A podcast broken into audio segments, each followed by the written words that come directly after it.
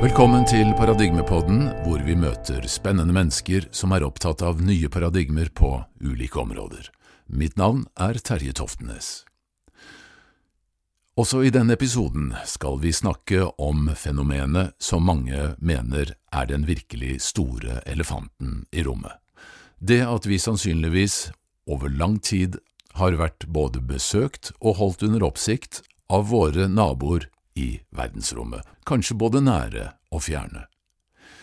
En av de som med selvsyn har erfart hva både amerikanske myndigheter og andre NATO-land lenge har visst om dette, er Bob Dean, pensjonisten fra US Army med rangen Command Sergeant Major med høyeste sikkerhetsklarering, såkalt Cosmic Top Secret.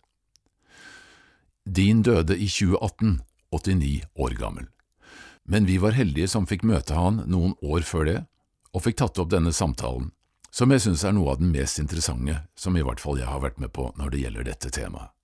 Så jeg har gleden av å overlate ordet til Bob Dean. I guess I could begin by telling you that I uh, was a professional soldier for most of my adult life. I spent 27 years on active duty in the United States Army. I led combat troops in Korea in 1951, and I uh, gathered intelligence for the United States Army in Southeast Asia in 1970, Vietnam, Laos, Cambodia. I spent 27 years on active duty in the United States Army. But in 1963, I was given an assignment that, uh, back in those years, we used to call a choice plum assignment. And it was Paris, France. I applied for it, was accepted for it. I had a top secret clearance at the time. And I was able to go to Paris, France, and take my family. And my children went to high school in Paris, and it was a, it was a rather choice assignment. And compared to so many assignments that I had had, you know, in combat and all, it, it was a plum, so to speak. And I went off to Paris, and I was assigned to the Supreme Headquarters Operations Center, Supreme Headquarters Allied Powers in Europe which was then and now still known as SHAPE. And uh, I arrived in the summer of 1963. I was, I carried with me at the time a top secret clearance. You had to have a top secret clearance to get assigned to SHAPE. And when I arrived in the summer of 1963, I was, my clearance was upgraded to cosmic top secret which was then and still is today the, uh, the highest level of classification in NATO. And uh, when I arrived in the summer of 63, I learned of a study that was underway that had been initiated in 1961. Apparently, uh, an event had occurred on the morning of 2nd February 1961 that almost triggered World War III. A large number of circular metallic discs flying in formation flew out of the Soviet sector over the uh, Allied sector and a divided Germany, flew off to the west. They turned north over the channel, over the English Channel, over the southern coast of England, and then they turned north and disappeared off of NATO radar over the Norwegian Sea off the coast of Norway. Well, this incident almost triggered World War III because the Soviets, we found out, thought those objects belonged to us. And for a time, we thought they might belong to the Soviets. We were to find out that they didn't belong to either of us, the Soviets or us, that uh, it was a real story here. And they initiated a study in 61 to determine what in the world is happening here because an air marshal by the name of Sir Thomas Pike, who was the deputy supreme Allied commander in Europe at the time, said, We can't put up with this anymore. We have to find out what's going on. And he initiated this study. And as I said, they initiated it in early in 61. I arrived in 63. They published the study in the summer of 1964. And I'm at that time working in a place we call SHOC, Supreme Headquarters Operations Center. And it was a war room, and I think most of your viewers probably have seen films of these war rooms. Uh, today they're all electronic, you know, computerized, and everything's quite different. But in those days, we were rather primitive. We had maps on the wall. And if the situation were to change, men had to go up and change the divisions and the units and move little pins here and there on the wall. We had teletype machines, we had telephones. It was all rather primitive. Today, everything's computerized. But anyhow, um, I worked in that war room. I actually ran the duty roster for the controllers, the ranking officers that were there on shifts. And in the summer of 64, when this document, this study was published, they only published 15 copies of it. Copy number one went to the Secretary General of NATO. Copy number two went to my boss, the Supreme Allied Commander in Europe, an American Army general by the name of Lyman Lemnitzer. Copy number three was placed in the vault in the war room, in SHOC. One morning, I'm on duty, and you've heard the story about military life 99% boredom, 1% pure terror. Well, that's the story of our life there in the war room. We're bored to death most of the time. And the coffee was too black to drink. Uh, the old newspapers and magazines, we'd all gone through them, and we're all sitting around. There must have been a dozen of us in there. And I'm nodding off, and I'm bored, and this Air Force full colonel, who was the controller on duty at that time, went into the vault. And in the SHOC war room, we had a vault you could walk into, a safe, big door. He went into the vault and he pulled a document out and he threw it on my desk and he says, Sergeant, read that. That'll wake you up. I look back and I realize that uh, at that moment my life changed, really. Because I looked at it and it was titled An Assessment. That's all it said on the cover. A little subtitle there An Evaluation of a Possible Military Threat to Allied Forces in Europe. Why the hell this was supposed to wake me up, you know. I turned the page and I got into this thing, and it was about unidentified flying objects. And that piqued my curiosity. And I began to read, and I read and read, and I found that I couldn't stop reading. And I, the more I read, the more I wanted to read. And this document, literally, I found shocking. Apparently, every major officer in that headquarters who had read that document was as shocked as I was. Because it not only was about unidentified flying objects, uh, the study conducted over three years, the conclusions it reached, the implications of the study, really, as I said, changed my mind or changed my life. They concluded after this three year study that uh, the planet Earth and the human race apparently had been under some kind of survey or observation for hundreds of years, maybe thousands of years, by several extraterrestrial advanced intelligences. Now, that literally, Terry, blew me out of the water. I couldn't stop reading. I couldn't put the document down. From that moment on, for the remainder of that year and the following year, every time I was on duty in SHOC, I would go to the vault, sign this thing out, read it, read it, read it again.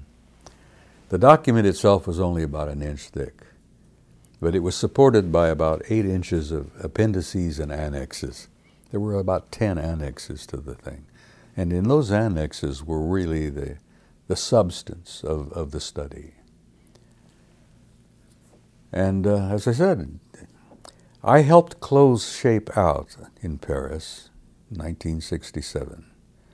General de Gaulle, as you probably know from your study of history, withdrew from the military alliance. He withdrew from SHAPE. Now, he, he remained a, a member of NATO, but he withdrew from the military alliance, and we had to pack up our headquarters in Paris and physically move everything up to where the lo- SHAPE is now located, just outside of Brussels. One of my last assignments was to help move the classified material from Paris up to Brussels. But my life changed, Terry. I was never able to walk away from that study and the conclusions that it reached. It was a simple military study, a focus of is there a threat? And they concluded that there apparently was not a threat to Allied forces in Europe because these intelligences, the repeated demonstration of incredibly advanced technology, indicated to us that if they were malevolent or hostile, it would have been over a long time ago. So obviously their intent was not hostile. What was their intent? That question was never answered. They concluded in the study that apparently there was a project or program underway by them involving us, but they were never able to determine in 1964 what that purpose program study was about. Well, as I said, I helped move the headquarters in 1967 up to Brussels. I rotated home that summer. And I have been a bit of a pill ever since, you might say. I, I have never been, been able to get away from it. The more I learned, the more I wanted to know, the more material I gathered, and the more I learned, the more dedicated I became to want to know more. And I'm, I will be honest with you and tell you that probably it, became an obsession to me. And for the last 45 years, I have continued to study and, and learn and travel and gather information and gather data, put it together. And, and about 20 years ago now, I decided to violate my national security oath, which was a major decision on my part. And I decided to travel and speak publicly on this issue. Because, as I have concluded, this is the greatest story in human history. And the reason it is the greatest story in human history, it is the greatest story of human history. And I've concluded that we're not alone. We've never been alone. And we have had what I call an intimate interrelationship with advanced extraterrestrial intelligence from the beginning of human history. And if you don't think that's the greatest story in human history, I, I can't imagine it. I can't imagine why not. As I said, I'm, I'm obsessed by it. I want to know the whole thing now. I want to know their agenda, why they're here, why they're involved and interested in us, and uh, where is this all going? And for the last 20 years, I've been pushing, prodding, yelling, screaming, carrying on to try to get American Congress to hold hearings on this issue and bring it out and tell the American people the whole story. And I found out that a lid of security has been clamped down on this particular matter so tight that it's almost like Pandora's box, that they're not about to release it because it, it's not simply the story of guys coming here from other planets or other star systems. It's not that simple the ramifications, the implications are we're being visited by not only interplanetary intelligences, interstellar intelligences, intergalactic intelligences, we are being we're involved with intelligences from other dimensions. And when the military learned that, let me tell you, there was a shock that reverberated throughout the halls of the Pentagon for a long, long time. So that's why I'm here. That's why I'm speaking bluntly and loudly, publicly, to get this story out.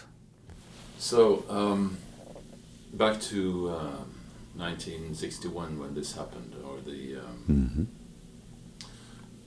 So this report was made uh, available to all the NATO countries at that time. As I said, they made 15 copies. That did not include, for some strange reason, all the nations. okay. But anyway, uh, then at that time, all the major NATO Yeah. uh, members of the alliance uh, had the report and were made aware, aware of the situation. Hmm. What was the implication of everyone in NATO knowing? Not everyone in NATO was uh, brought into this study and this report. Not everybody in NATO had a cosmic top secret clearance. You had to have a cosmic clearance to work in the war room in SHOC. Now, everyone in SHOC were privy to this report. All of the major commanders were privy to this report. But this report was not disseminated out throughout the Allied forces in Europe. No, it was not. It was very limited distribution. There was a term we called back then a need to know. In the job you had, and you know, hundreds, thousands of different jobs in a major military headquarters, support jobs, uh, organizational jobs of one kind or another. Not everyone had a need to know, and not everyone had a cosmic clearance. Those in the war room did, and the major commanders did. But it was not disseminated everywhere. And I have had my misgivings and doubts because I don't think there was evidence that Turkey and Greece, for some strange reason, were ever given copies of this report. Now, Turkey and Greece at that time were in an agitated state between themselves over Cyprus. It's still going on. It was so bad then in, in the 60s that the Turks and the Greeks would walk on opposite sides of the corridors and they would frown at each other. And they, they wouldn't sit near each other in the dining room. We had a, a NAAFI cafeteria there where everybody had lunch. And the Turks and the Greeks avoided each other like the plague. It was sad. It was a, well, you know the history of Turkey and Greece. They've been at each other's throats for centuries. For some strange reason, from what I gather, they didn't get copies of this report. Now, perhaps it was due to the fact that at that time they were in a, in a stressful situation between themselves. I will tell you this that there was an air deputy by the name of Robert Lee, an American Air Force four star general, who was Lemnitzer's air deputy. Robert Lee, General Lee, was responsible for all Allied Air Force activities in the theater of operations, from the northern tip of Norway to the southern tip of Turkey. General Lee's aide told me, a lieutenant colonel that I had gotten to know, he said when the old man read that study, he threw it on his desk, shook his head, looked around, said to his friends, his, his staff, You know what the hell this means? Do you guys really grasp what this study, impl- the implications of this really are? He says, Everything changes. Nothing will ever be the same.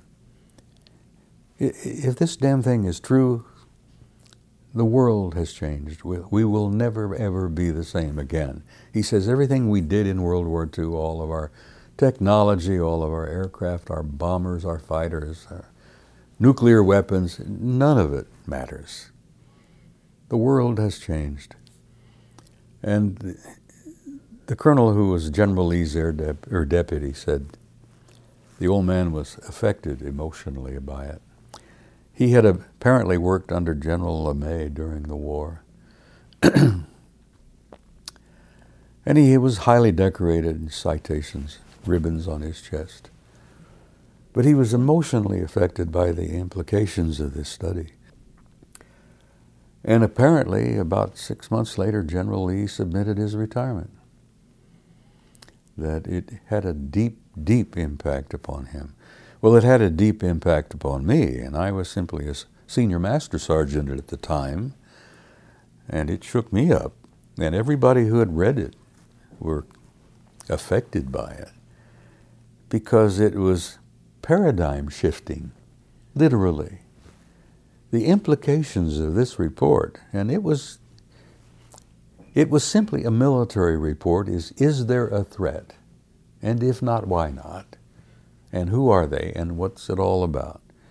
It was never able, they never completed a total evaluation of their agenda and how long they had been coming here. The implications were quite a long time, perhaps hundreds, maybe even thousands of years. But as I said, that launched me on my uh, my odyssey, my journey, which I've been on for 45 years. And I've learned so much over the years that my old worldview, my old paradigm literally crumbled and fell around my knees years ago. The old world that I thought I'd lived in, and the world that I'd been raised in, all of the education I'd had, the schools I'd gone to, things I'd been taught as a child growing up, none of it mattered. Most of it was false. And uh, I've literally had to build a new paradigm for myself, a new worldview. And uh, I, I've said jokingly to a lot of my friends, and they've agreed with me, I have become alienated.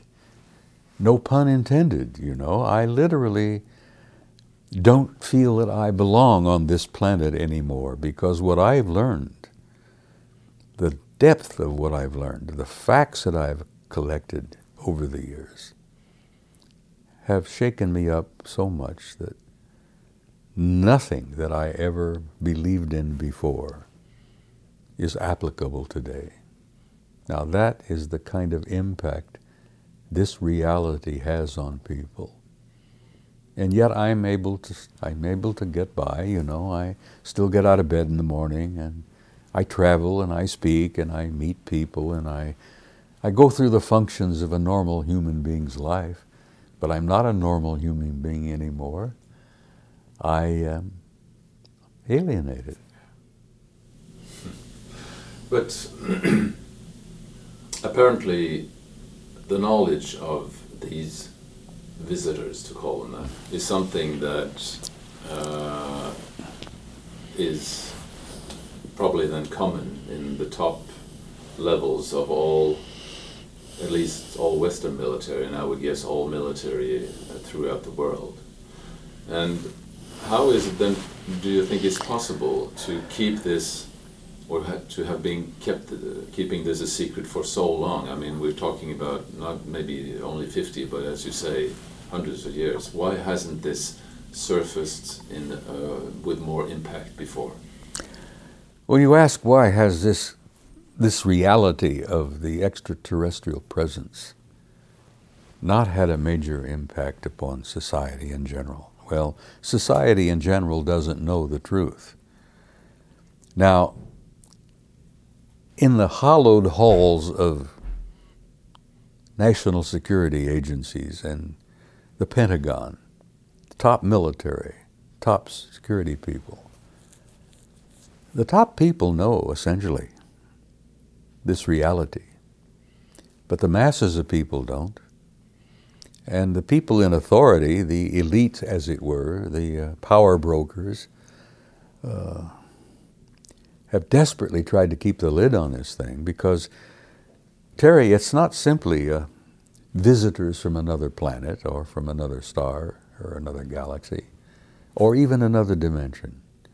It's not simply that. It isn't that simple. We've learned, we've learned over the years that several of these intelligences have been involved with us from the beginning of human history. And the evidence has been collected that the human race, literally, is a hybrid race. And that some of these advanced intelligences, from wherever they're from, have been involved in genetically manipulating us as a species from the beginning of our history. Man is a hybrid. From a lower order, we've been genetically manipulated by advanced intelligences into what we are. Now, that in itself is dynamite, for God's sake. They also have concluded, the authorities, the power brokers, the elite, and that's always been a problem of trying to determine who the hell they are. We've got a pretty good idea. But the theological implications of this reality is earth shaking because the evidence we have collected over the years have indicated that every major religion on this planet has been initiated and orchestrated by advanced extraterrestrial intelligence. Now, if you don't think that's dynamite, my man, stop to think what that the ramifications and the implications of that reality is. Every major religion on the planet initiated and orchestrated by an advanced extraterrestrial intelligence. And look where, look where we are today. The Muslims are butchering the Jews. The Hindus are butchering Muslims. Muslims are butchering Hindus. Even Muslims are butchering each other. You know, the, the Sunni and the Shiites are at each other's throat. The Palestinians and the Israelis are at each other's throats. All over this issue of religion. Now, do you throw a match into a, a box of gunpowder? Do you light a fuse purposely on a stick of dynamite? Because the implications of the reality of this truth is literally earth shaking. Now, the powers that be, I use that term to describe this unknown group of elite that run the world, at least what we think, you know. They want to keep this lid on this thing because the analogy I use is like Pandora's box. You don't open Pandora's box just a little bit, and you're familiar with the old legend. You open Pandora's box just a little bit, and poof, boom, the whole thing comes out. And the power brokers are not prepared for that. They, they don't want that to happen. Their, their primary focus in government is power and control. Money, power, and control. And they're determined to keep the control. And this issue, this reality, is so earth shaking in its implications that they're not about to let it out. but, Terry, let me tell you something. It's coming out. Disclosure literally is underway. But it isn't going to be from some government meeting, press conference where say, hey guys, we have to tell you now. Uh, we've been visited by extraterrestrial intelligences. Oh, guys, you know, it's going on for a few years, but we didn't tell you because we didn't want to upset you. That is not never going to happen. But a disclosure, a form of disclosure is taking place. And it's subtle and it's gentle and it's subliminal. It is a planned program by someone to get the information out in a, in a non explosive way that people can be gently brought around to the reality of it without shocking the hell out of them. And you have movies, you have television shows, there are books being published, there are people speaking at conferences like me who are dribbling out, leaking little bits of truth here and there, different conferences. And the masses of people are, if they're interested in it, and many are, and I think the numbers are increasing of people who are interested in this. It's having an impact, and I think this awareness is growing. And as I said, it's subliminal, it's a form of subliminal education. And uh, I will not prophesy when the whole story will be out. It could be a hundred years from now before the people, the masses of people, are ready for this. But then there's another factor here their agenda. And they do have an agenda of their own. And that they may decide at some point in the next 5, 10, 15 years to lift the lid themselves in an overt way where it cannot be denied. And that could happen, but uh, may not happen in my lifetime. I'm 81 almost. Um, I'm not planning to be around that much longer, you know. So, anyhow, for your young viewers, uh, you're in for an exciting, interesting future because just you are part of an infinite community of life in this universe. I mean, an infinite community of intelligent life. And to the young people I speak to, that grabs them. That lights a spark in them. And Terry, that's the reason primarily why I travel and speak publicly because I'm so gratified at the response of the young people that I meet. They're ready for this. They want to know it now. They want to know the whole story now. Their parents and grandparents don't necessarily want the whole story right now. but um, going back a little bit again, um, what, what happened to you when, when you started talking about it? I came out of the closet, as it were. Terry, you asked me about when I decided to come out and tell the truth and violate my national security oath. As a professional military for many, many years, those of us who served, and we are privy to classified, highly classified information, we have to sign an oath.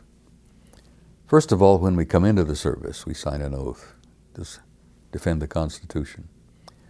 But when we're privy to highly classified secret information, we sign these oaths to uh, not divulge anything we've learned in the performance of our duties uh, for now and forever, literally.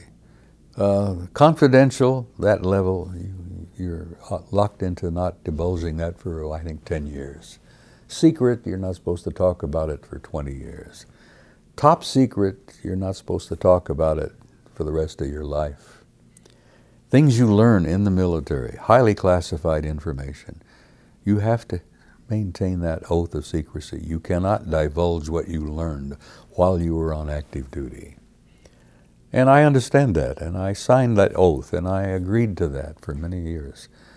And I kept my oath for many years. I retired in 76. I didn't start speaking out publicly until 91, where I finally reached a level of aggravation and frustration, expecting my government to, at some point in time, to bring this out and tell the American people what they knew, what had been going on, what was taking place. And I was disappointed and saddened that my government not only kept the lid on this, but tightened the lid on this. This thing became such a national security issue that uh, divulging any of this was serious business, you know. Men could, you know, men could go to prison for 10 years and forfeit all their pay and allowances, retirement, medical benefits, everything. So it was no small matter for me to decide to violate my security oath in 91. I I didn't do it lightly. I did it after a great deal of thought. And I, for a period of time, was intimidated and harassed and threatened for having gone public with what I had learned. And that harassment, intimidation, went on for, oh, about a year and a half. And as I said to you at breakfast, uh, I had the black helicopters hanging over my house. I was followed with dark black sedans at night with darkened windows. I received phone calls at two in the morning, threats to keep my mouth shut. Um, they even they cut my pension in half for about six months until thanks to the assistance of my son, who was a career naval officer, working at the Pentagon at the time. Uh, a couple of his friends, a couple of retired Navy captains, and a retired admiral, on my behalf began to investigate this issue. And uh, about six months passed, and I got a letter from the Veterans uh, Pay Administration, you know, Oh, we're sorry, we made a mistake. Uh, we're going to restore your pension. Uh, we're going to send you back the money we withheld. And it's just one of those administrative errors. We're so sorry. Well, nonsense. Poppycock, a balderdash, as they say. I knew damn well it was not an administrative error. They intentionally were threatening me. But we resolved that. And after about, oh, a year and a half, all of it stopped. And I've concluded now over the years that there is someone back there, wherever back there is, who wants me to do what I'm doing. There is someone of some position of authority wants me to speak out publicly on this issue, or I wouldn't be getting away with this, Terry. If, if, if they really wanted to shut me down, you and I both know it could be done at any time. I could have a one car accident on the road sometime. You know, I'm gone. I could end up with a heart attack. I could end up with any number of things which they are capable of engineering.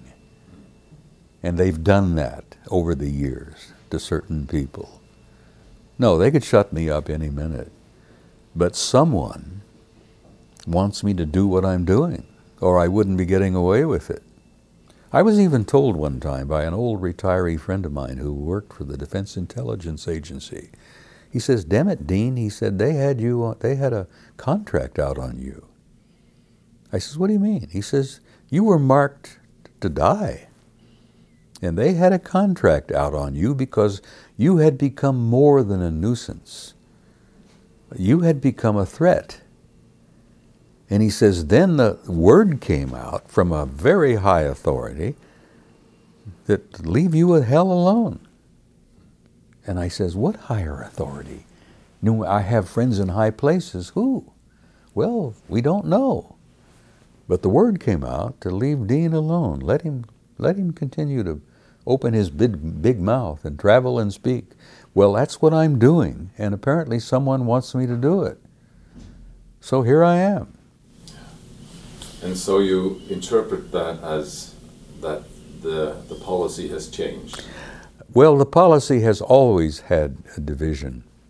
We've known from almost from the beginning that in the halls of power, that they were divided themselves.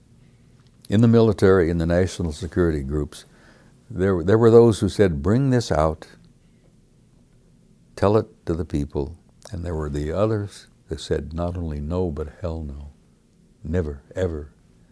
So they've been divided among themselves. And this has gone on and on, you know. Security agencies, military, high, this, you know. Yes, no, no, yes. They, they do that all the time. Uh, apparently, the service that I respect probably the most is the United States Navy. My son was a career naval officer. He retired just last November as a full captain in the Navy after 30 years. And my son had top secret clearance all his career. I've learned from him and from friends of his in, in the service that the United States Navy has been primarily the prime service in this, this whole issue from the very beginning.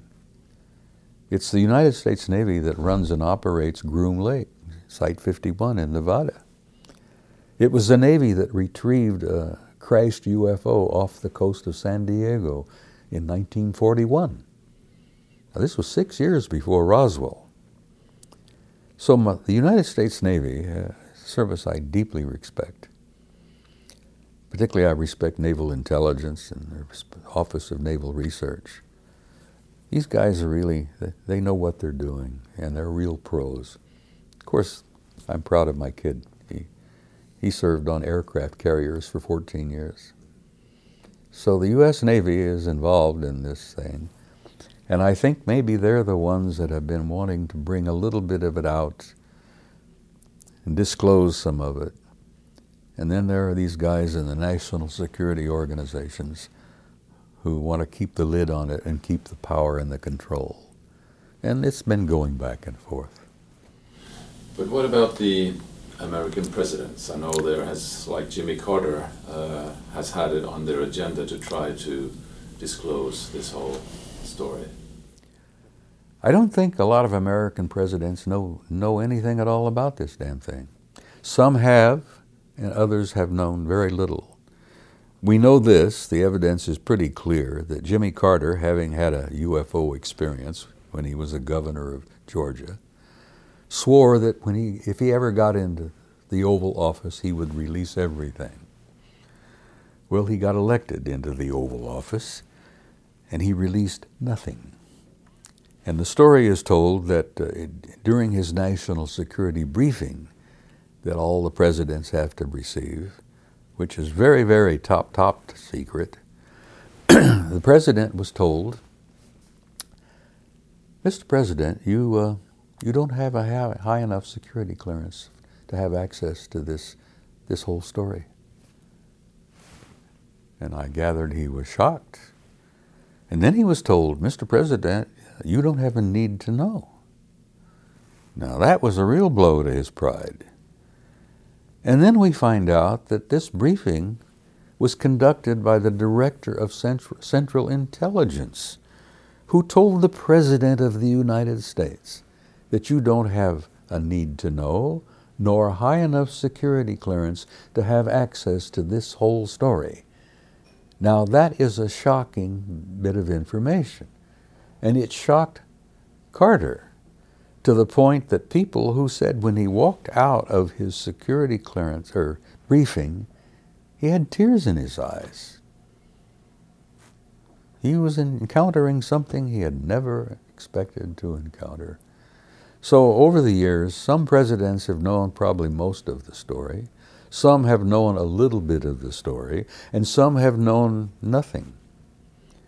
Now, interestingly enough, that that briefing conducted for Carter, where he was told that he didn't have access, was conducted by the Director of Central Intelligence, who happened to be a guy by the name of George Herbert Walker Bush, who was the Director of Central Intelligence at that time, telling the President of the United States he didn't have access to that information. And then, of course, we know Bush got elected president himself for one term. His son got elected for two terms, which, in my view, was a little bit of a disaster, for God's sake. Anyhow, I'm an ornery old cuss, Terry. I almost 81. As we say in this country, I've been around the block a few times. Nothing surprises me anymore, particularly in politics or religion. I just feel that the people out there have a right to be told the truth. And they have a need to be told the truth.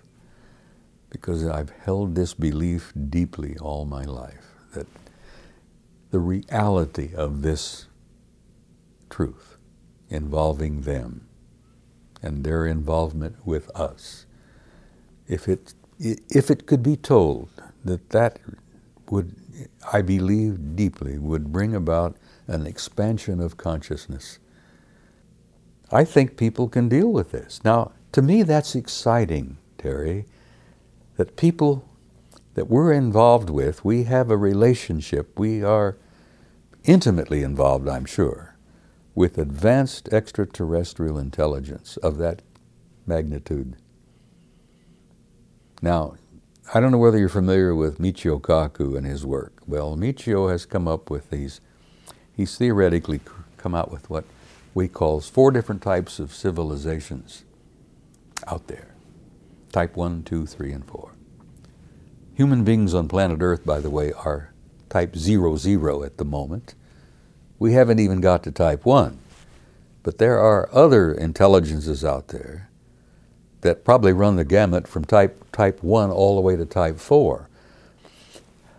I would like to be able to live in a type 1 civilization before I die. Because we already know that we have zero point energy. We already know that we have anti gravity technology, and that's being withheld from the American people. It's being withheld from the human race. It's being kept from them. and that knowledge could benefit them and help them in their lives, enrich their lives, and it's being kept under cover and under wraps because it involves money and it involves power. And you asked me earlier why I get angry. That's why I get angry. And Terry, that's why I speak publicly and openly about this, and I will to the day I drop dead, which could be tomorrow for all I know. But that's why I'm here.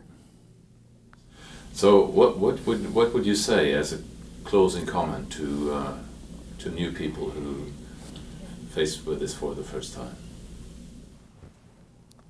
I know it's a subject, it's sensitive, it's a subject that frightens a lot of people.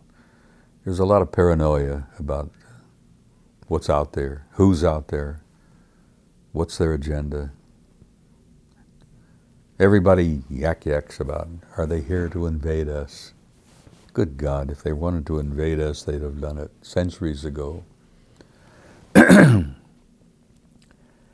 I would say to your viewers that uh, we're making a transition into a new world, a new age. There is obviously a transcendent transformation of consciousness taking place, which I look upon as very favorable that people are beginning to grow up, they are beginning to expand their awareness and their consciousness to a point that the time will come, I think, where the average person on this planet will not think of himself in a national sense or even in a planetary sense. They will think of themselves as members of the human race, occupants of the planet Earth but they will begin to think of themselves as cosmic citizens. Not only members or American citizens or you know members of the planet Earth, but members of a universe filled, absolutely filled with intelligent life. And there, there's hope, there's promise, there's an incredible future ahead for people. And I tell people not to be afraid. And Stay away from the doomsayers, you know. The people who say, oh, we're all doomed, it's going to end. Uh, 2012, oh, the four horsemen, yeah, yeah, yeah, yeah. There's too much big business in doomsaying, you know. Too much money to be made. And I tell your viewers, in my own personal view, you have nothing to be afraid of. We have a future. And it's a beautiful future. Your children and your grandchildren and your great grandchildren are going to the stars. It's an unlimited future. And be hopeful. And be glad. And look at tomorrow with some faith in yourself. And uh, other than that, I, I can't say much more that I'm very hopeful for the human species. They're going to make it, Terry. Thank you so much. Well, thank you guys. Ja, tusen takk til Bob Dean.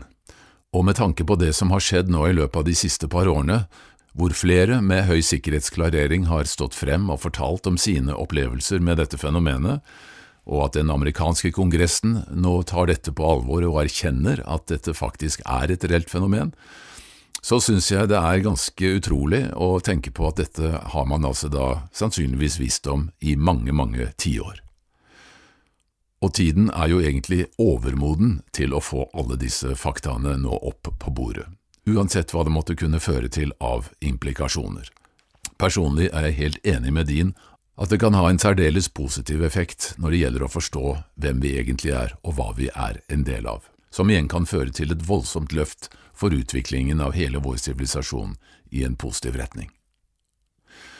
Vel, jeg vil da igjen bare få lov til å minne om vårt eh, VIPS-nummer 524005, 524005 for de som vil støtte oss videre.